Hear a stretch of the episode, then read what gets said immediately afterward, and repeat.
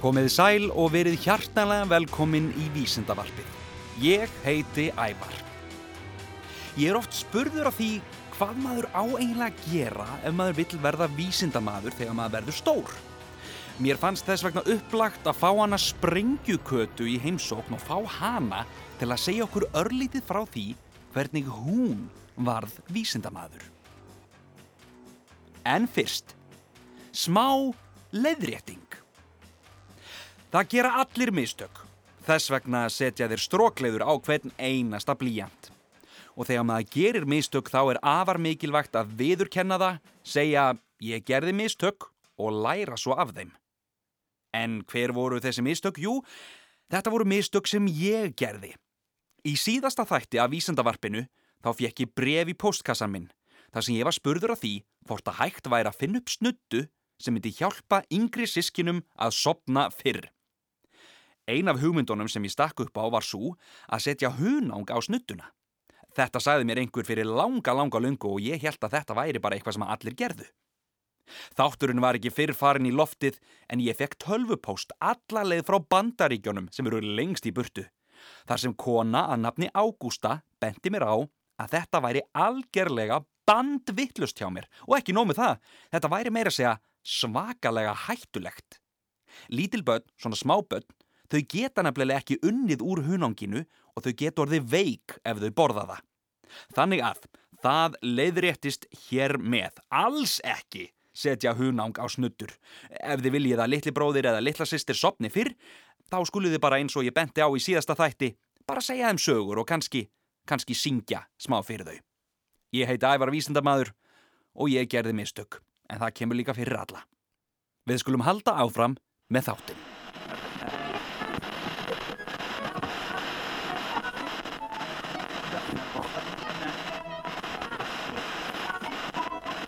Vísindin eru allstaðar.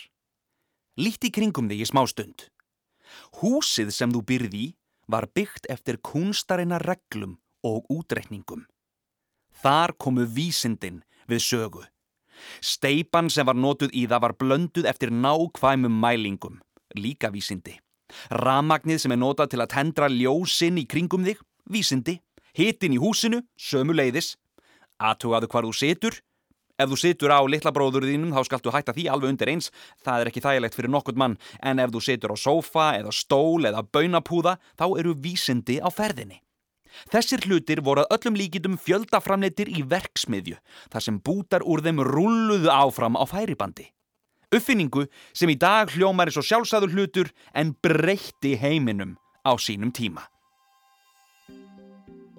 Höldum áfram.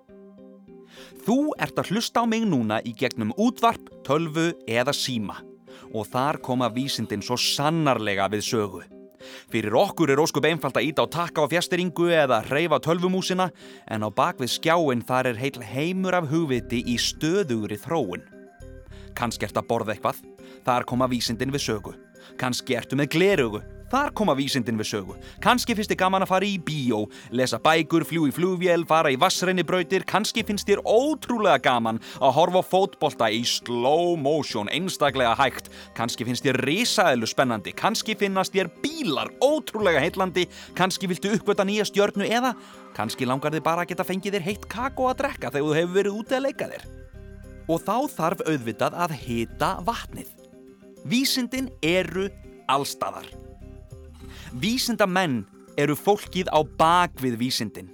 Þetta eru menn og konur sem leita tröstrar þekkingar og beita til þess kerfisbundnum rannsóknum.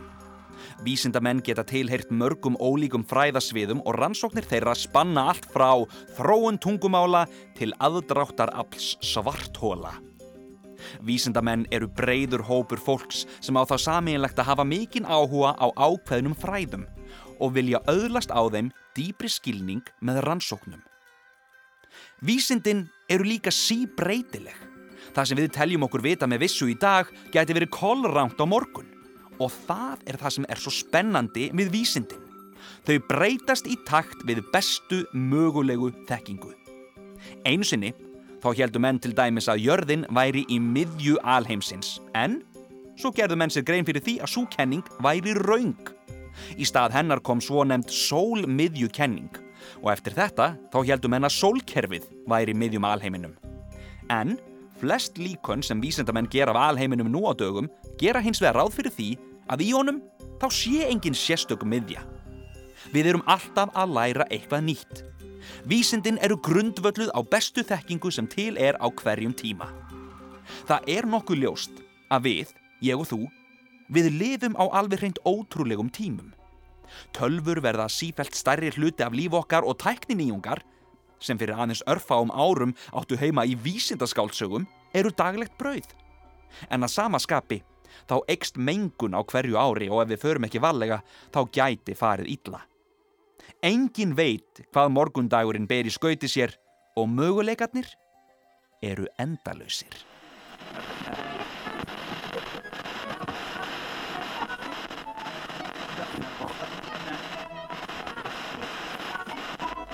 Hinga til mín er komin góður gestur, fyrsti gesturinn sem ég fæ í vísendavarpið.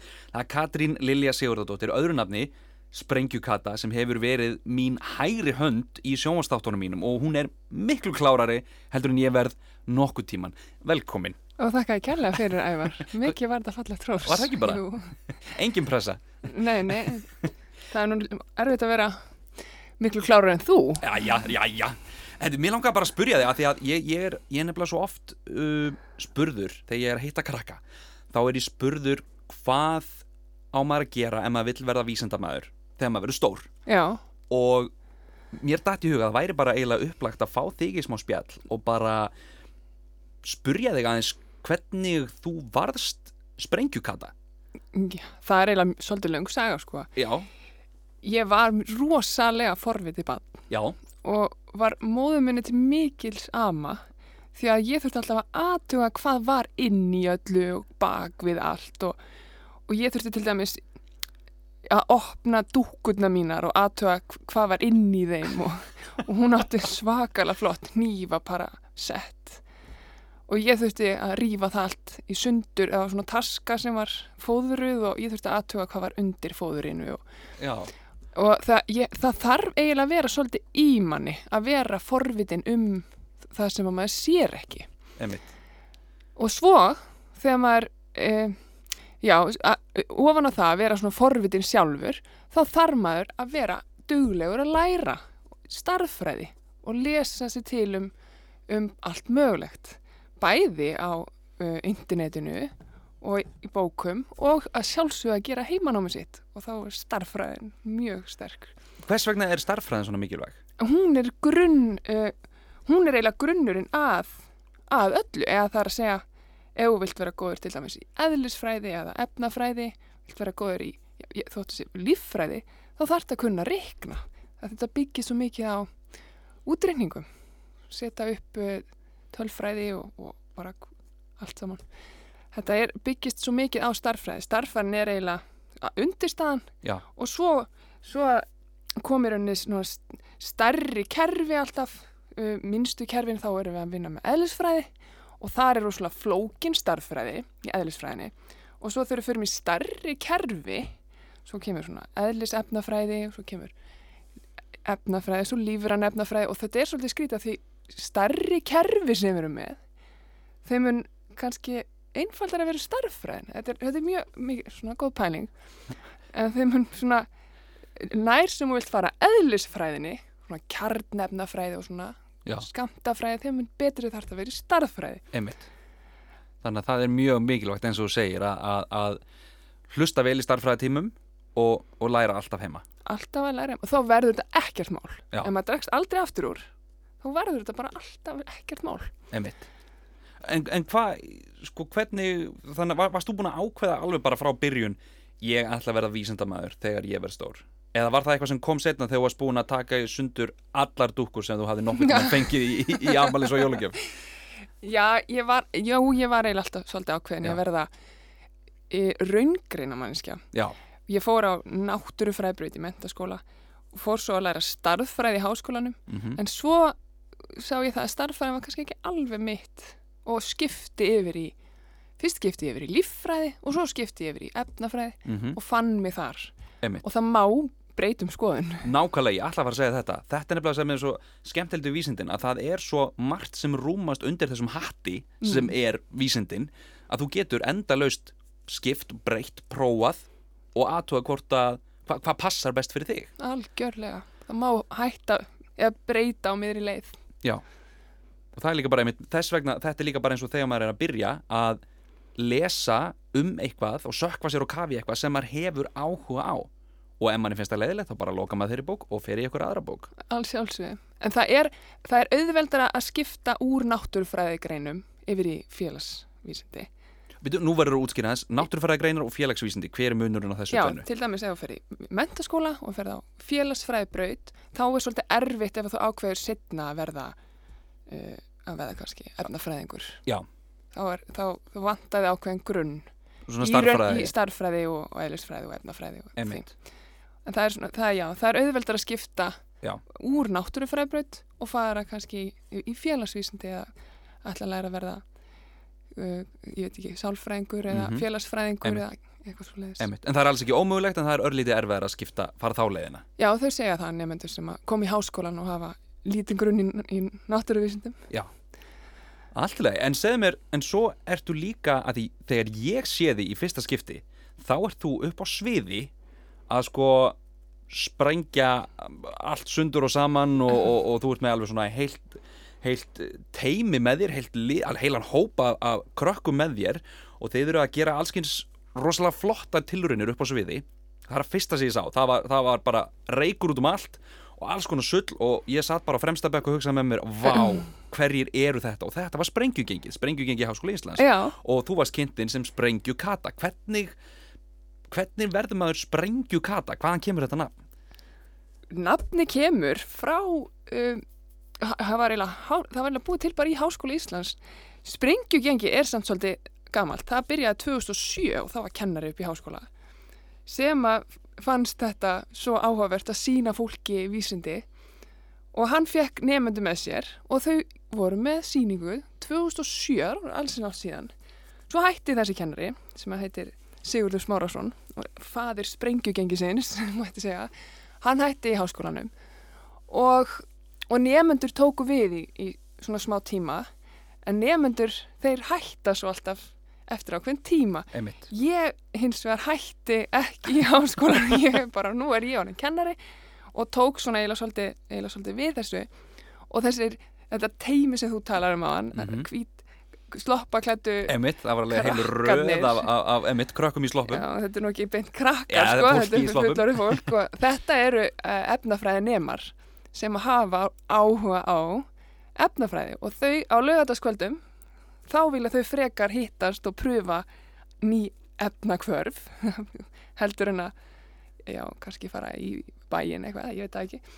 Þeim finnst allavega að þau eru tilbúin til að hittast utan skólatíma og pröfa ný, eða svona ný atriði. Einmitt. Já, uh, já þannig, ver, þannig lendi ég í þessu. Og ég er bara ennþá ennþá með svona sýningar Og er eitthvað, er eitthvað sem þú ert búin að læra, er eitthvað sem er búið að breytast á þessum tíma frá því að þú byrjaðir sem, sem þáttakandi og þá getur núna er þú orðin svona, má, má, má maður ekki segja þú veist eiginlega orðin svona ef, ef hann er sko kennarinn sem byrjaði með þetta ef hann er pappi spenningugengisins, er þú ekki svolítið svona mamma? Jú, það verður það að segja Er það það ekki? Það er rosalega mikið búið að breytast. Já, Fyrst var, voru þetta frekar litlar sýningar og en núna núna er þetta orð, komin, komin í sjónvarpi með þér mm og, og ég stundu beðin um að koma bara á skemmtanir, ekki bara eitthvað að sína í skólanum, það koma bara maður er beðin um að koma bara í ammælisveistlur Já, og maður veit bara alls konar sína efnafræði, þetta er svo mikið inn, það er svo töff miklu meira töff að vera með eitthvað efnafræði heldur en nei, það er ekki meira töff en eitthvað annað en en það er skemmtilegt, það er, svona, það er öðruvísi og áhugavert mjög skemmtilegt uh, það sem að hefur kannski breyst Mhm. með þetta sprengjugengi það er að, sko, ég, er svo, ég hef svo mikið áhuga á vísindunum bakvið tilrauninnar Já. og ég er svolítið búin að færast úr öllum þessum sprengingum að því að sprengingar er oft svo eins mm. maður kveiki eitthvað bæng kannski mis, mismunandi eldur mismunandi kvellur en efnakvörf eru svo ólík. Og ég er eiginlega komið svolítið meira í það að sína mismunandi efnakvörf og, og, og eiginlega á efnum heldur en að vera bara endalst að taka eitthvað og kveikja í því. Já, þannig að það þarf eiginlega að finna nýtt efn á mig. Vísindakatan. Vísinda, já, Nei, það, er eitthvað svolítið þurfum kannski. finna, við þurfum að finna eitthvað, eitthvað gott á- en þetta er samt svolítið sniðut að því að, að eins og þú saðir í byrjun þegar þú varst lítil þá varst að taka dúkkur í sundur til að sjá hvað væri inn í þeim Já, núna ert að taka, í raun má segja þú sért að taka þessar sprengingar í sundur til þess að skoða hvað er á bak við þær í rauninni að taka í sundur, pröfa að blanda saman mm Ég skal segja það, ég, tó, ég kveikti aldrei neinu sem bann. Nei. það skal tekið fram, ekki kveikja í neinu Nei. krakkar ég var ekki að pröfa hvernig bruni á ykkur var ólíku bruni Einmitt. á öðru, það gerði ég ekki. nei, nei, nei, En hins vegar eins og kannski margi krakkar hafa pröfað, þá pröfaði ég að, að reyna að kveiki með e, stækkunagleri já, og það er kannski meiri svona vísinda bak við það heldur en að taka Einmitt. bara kveikjara og kveiki ykkur. já, einmitt að því sögðu vil ég taka það fram krakkar þeir sem eru að hlusta ekki kveiki neinu hvorki með, með stækkunagleri nýja með, með kveikjara. Og ef þið ætla að fara að gera svona, svona tilraunir með stækkunagleri þá skulið þið fá leifi hjá mömmu og pappa fyrst. Tek það, get ekki tekið það nógu oft fram. Þannig, þannig að það sé algjörlega á hreinu. En, en segðu mér, þú hefur líka farið út það, það er til ólimpíulið í, í efnafræði. Já, það er, það er sko heimsmeistarakeppni í efnafræði Og á þú- hverju ári. og þú hefur verið að fara út með, með þeim sem er að keppa þar og, og e, hva, hva, hvernig virkar svona eiginlega? Því maður hefur síð olimpíuleikan í sjómarpinu þar sem fólk er að hlaupa og dífa og, og, stökkva og, og, hérna, og synda alveg á fullu hvernig virka þessir olimpíuleikar eða þessi heimsmyndstarakefni? Þeir eru nú ekkit miklu, þeir eru ekkit mjög ólíkir íþróttaolimpíuleikunum þannig séð nema að efnafræði er svolítið stórt fag og, og nefndur sem keppa þurfa að kunna ótrúlega mikið. Ef að þú ferð á olimpíukeppni til dæmis í, í, að, í að hlaupa þá ertu kannski bara að hlaupa 400 metra og þú þarf bara að vera góður í að hlaupa 400 metra Mhm. ekki nema maður sé að keppi kannski tugþraut eða eitthvað einmitt. en þessir efnafræðinemar að, og þetta eru ment, mentaskólanemar þeir meg ekki verið byrjar í háskóla einmitt. þeir þurfa að vera góðir í bara alveg frá bara skamtafræði og starffræði og eiginlega bara upp í lífefnafræði sem er mjög stórt svið. Þau þurfa bæða að kunna lýsa verkefni og að gera tilraunir. Og það er svolítið stór þáttur af þessum, þessari keppni. Og þetta fer þannig fram að á hverju ári þá er próf eða svona, maður getur sagt keppni, efnafræði keppni sem að allir nemyndur í mentaskólan landsins mega að prófa og mega að taka og 15 hæstu nemyndunir þeir fá að keppa í úrslitakeppni hérna á Íslandi og, og þá er líka verkleg efnafræði þar að segja að þá gera tilraunir upp í Háskóla Íslands og taka svo annað svolítið þingra próf.